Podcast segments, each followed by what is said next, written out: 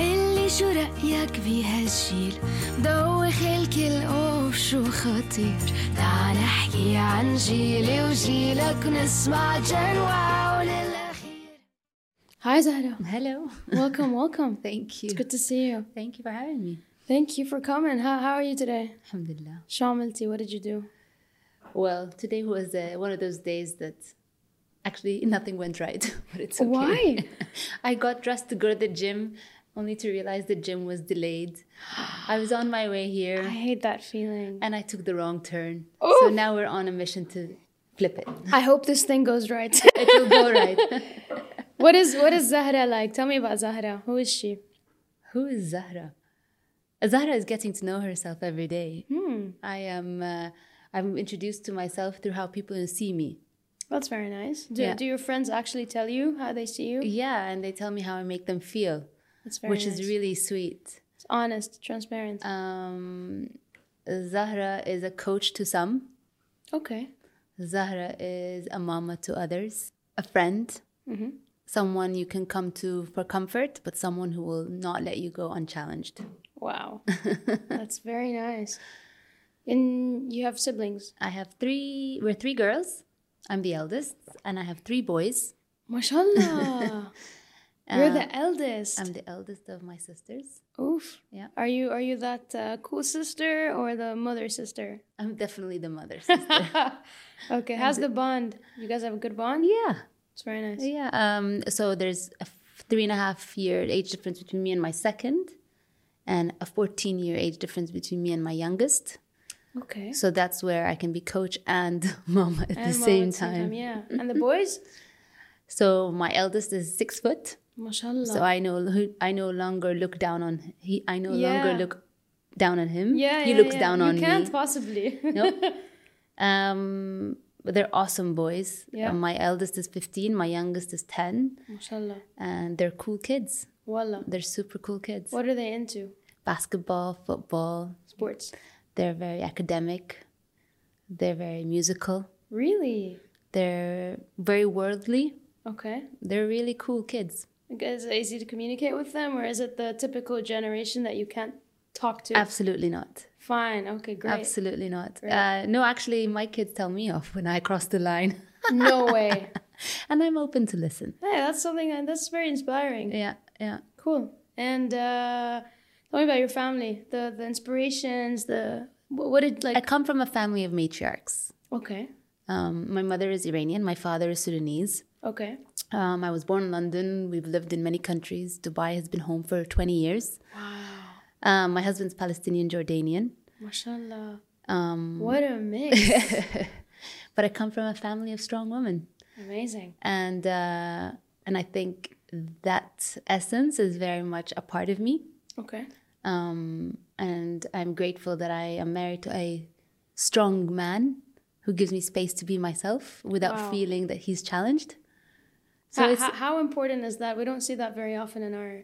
oh, it wouldn't work as a marriage if it wasn't this way. It wouldn't. Um, I think it's really important for your partner to, Respect your space. yeah. So my husband is home. That's amazing. right?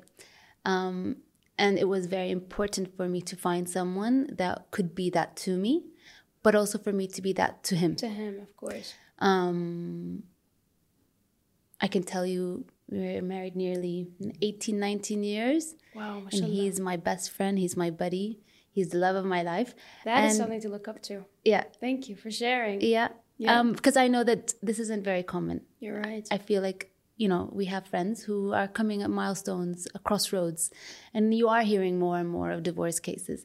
Um, and I can tell you, marriage is not easy, but if you want it to work, you make it work. And and the kitchen for me is a space of art. It's a space of therapy. It's a space of connection, and. Um, what I love is that it becomes a shared space. It was funny the other day I was chatting with a friend of mine and we're four moms. We work out together and we share our life stories and experiences together and we guide each other through challenging times. And she said to me, she's like, you know, I look at the three of you and I see you are all strong women, uh, professionals. You, you know, you're modern, but you all cook. And you make me change my view of what a kitchen is. It's no longer that space. She's like, I usually avoid getting into the kitchen because I'm just like on a subconscious level, I don't want to give into that view of what a kitchen is traditionally viewed for a woman. Oof. And so now it's about changing that language. And so I'm proud I'm very proud to be part of that Mashallah. that dialogue. That's amazing. yeah. Zahra, tell me about the inspirations from each side, from the Sudanese kitchen, I would say, and the Iranian kitchen. So How do they come together in your kitchen? my kitchen is a celebration of traditional modern Hmm. um, recipes. So my my my recipes are I wouldn't say specifically Iranian or Sudanese. Okay. Um, they're Middle Eastern. Hello. and uh, they're influenced by my mother-in-law, my grandmother, my mother. Um, they are influenced uh, by my memories because through memories you recreate new memories. I mean, you you're an expat and I'm an expat. Um, we, as a child growing up, I had the privilege of going to my grandparents' home and playing with my cousins. Those are not the same privileges that my kids have You're right. but my kids have those same experiences through our friends 100%. and so the other day we were over uh, celebrating a friend's uh, mom's birthday she was turning 70 and all the cousins and all the little nieces and nephews were invited and we have unofficially become an extended part of their family Wow. and i remember looking at my friend nadine i was like nadine you've just gifted my children that same image, Image, yeah. uh, or memory that i had from my childhood in sudan I would relate to your kids because I grew up here and I don't have these memories either. yeah And it's just, I think friends become your family, but Yeah. it's never that kind of like, but also your friends get to become part of your experience through food. Ooh, Do you know what I mean? yeah. Like I know your sister mentioned she has the yulanji. Yeah, yeah, yeah. Yulanji is so much more than just. You're right. Yulanji is a Actually brings people together. Yeah. Cool. Uh, What, what do you do when you're not in the kitchen? What is what is that? You just mentioned that you work out. What are your Uh, hobbies? I am a little uh, yogi. Really? I try to do three Helps to with the zen. Yeah. yeah. Um, so I have uh, my my obviously my social media platform where it's uh, cooking with Zahra, and I'm through that space. I've published two books. Um, I've hosted a couple of TV shows, but from there I've off, I have an offspring business called Zahra's Kitchen, Okay. which is a frozen food retail brand, Wow. and we are available in Spinneys, Waitrose, Gibson's, Talabat, Mart, Amazing. and a few more other retailers. Fantastic. Um, so between the two businesses, my family, my ha- my plate is quite full. okay, got you. Zahra, what's your favorite food? Like, what is Zahra's favorite food? Oh. I don't care about the kids, the husband. You. Tell me about you. Uh, baguettes, cheese, and butter. No way. Yum. That's all I want. Sounds very, uh, Simple, yeah. but good quality. Compared to what you make. but good quality cheese. yeah, and sourdough Good of. quality butter. No, I don't. I just want like a nice French baguette Oof. with salted butter and, Yum. and brie cheese or whatever cheese. Ugh, I love That's big it. cheese. And if let's say Salmon wants to take you out on a, on a dinner date, where Uh-huh. would you? Where would he take you? Um. And you wouldn't have to tell him anything. Like he has to guess. Oh, we have our traditions. He knows what it is. Really? We go to Kareen. We try to go to Kareen as often as possible. Okay. And I love it because we go there enough times where the team knows us. And it's like an extended family. And I like I like that comfort routine. So you go in like, hi Zahra, hi Zahra, No come on way. in. Oh, that's so cute. Yeah. Do you want do you want the usual? Yeah, yes, yeah, please. the usual. Yeah. Yeah. sounds like a movie. I like finding my little community, my tribe wherever I go. Whether it's agree. that butcher, whether it's the lady who does my nails, whether it's the restaurant that I go to. I like building relationships within my little comfort zones and I like taking care of those Very and nurturing those friendships or relationships. Yeah. yeah. And your favorite occasion is what? As in To celebrate. My birthday. Really? I love birthdays. Come on. But I hate them at the same time. You would want to work on your birthday oh, to work on my birthday? to make food. Yeah. To Oh yeah, we have a traditional dinner. For everyone's birthdays. Seriously, Zahra? Yeah. Wow, you guys are like, I feel like you have like a calendar. Listen, our our birthday dinners become tradition, and look, and I love doing this because you know what? The best thing is when you're my. I mean, all I do is for my kids, right? So I want them to say, oh, when, when it was birthdays, Mama used to make us. ah, Do you know what I mean? I love that. Yeah. So Mama used to make us her apricot glazed short ribs with prawns, grilled prawns, Yum. French fries, lemon butter sauce, and the rocket and fennel salad with shaved cucumbers and avocados. oh my God. That's our birthday meal. How can I, where do I sign and I can be part of the family? Please. All right, here are some fun questions. Okay. I'm going to pick out some Okay. fun questions that I want to ask you. Oh, that's cute. What was your favorite item of clothing as a kid? Item of clothing? I don't know. What, what was Zahra as a kid? Like, where were you as a- Zahra as was nosy. Seriously? Zahra would ask too many questions. If she saw a fire, she'd go up to the policeman and be like, "Excuse me, Mr. Officer, what's the happening?" I was that child. Are your kids like that now? Um, As each of them have different ver- characters of me. Oh. Yeah, Curiosity is good though, yeah, yeah. right? Oh, I, I, I sit on the airplane, and if we had a delayed flight, I'd sit and chat up the person next to me, No tell them my whole life story. No way. Oh my god, You're that annoying passenger. I was that, Ugh. but it saved us once. Zahra, what is the hardest lesson you've ever had to learn? Say no. Tell me about it. But why? It's important. It's important because you start valuing yourself. And it's important to value yourself because when you start valuing yourself, guess what? Others value you too.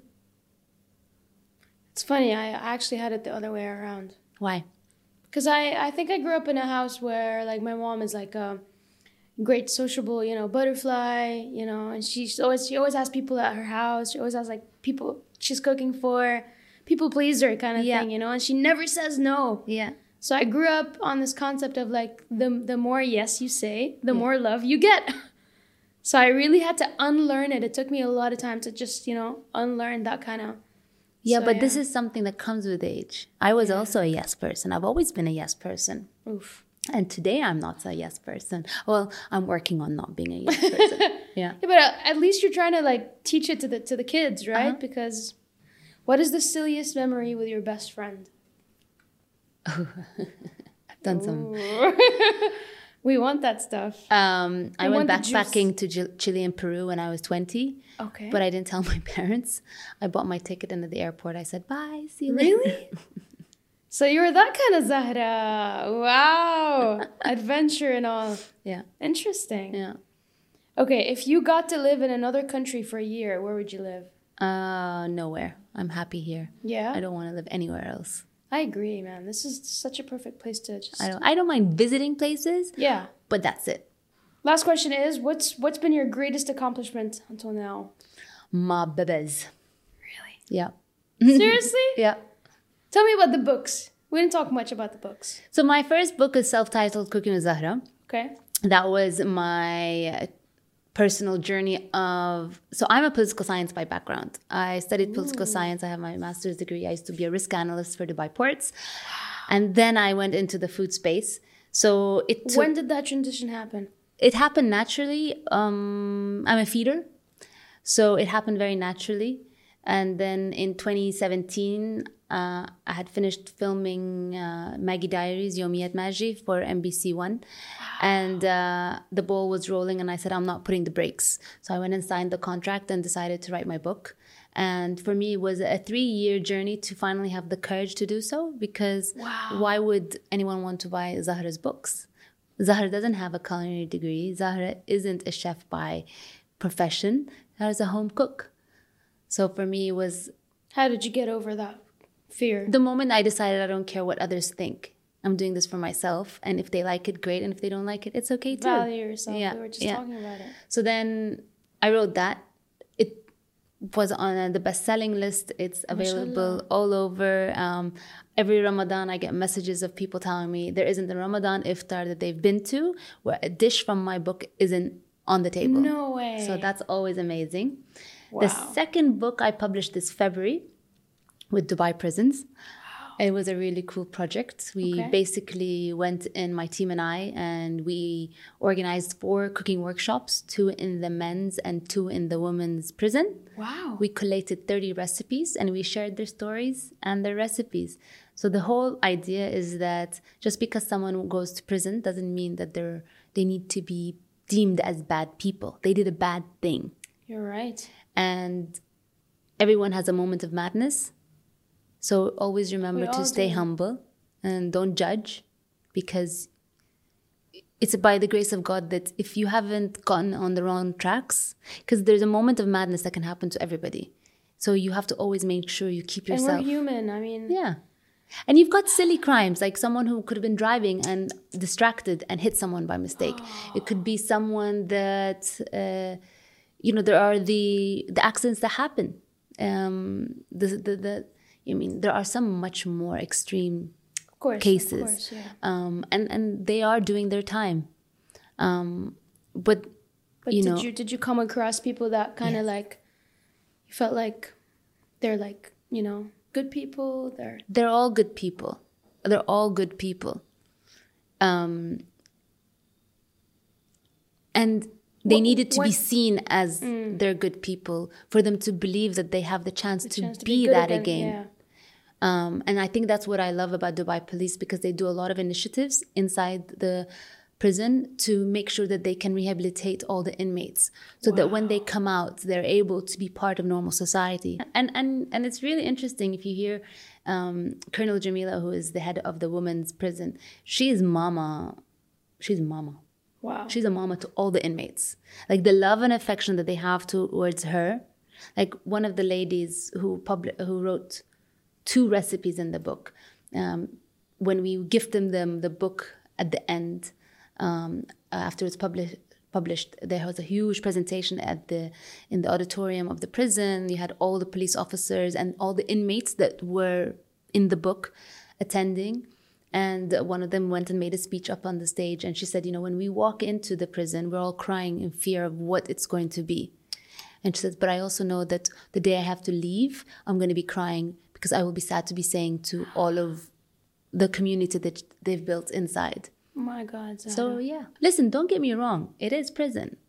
It's not all butterflies and roses. Of course, yeah. Right? I mean, but there is a human side to it. there's a human side, and as as should be. You Yeah. know. Yeah.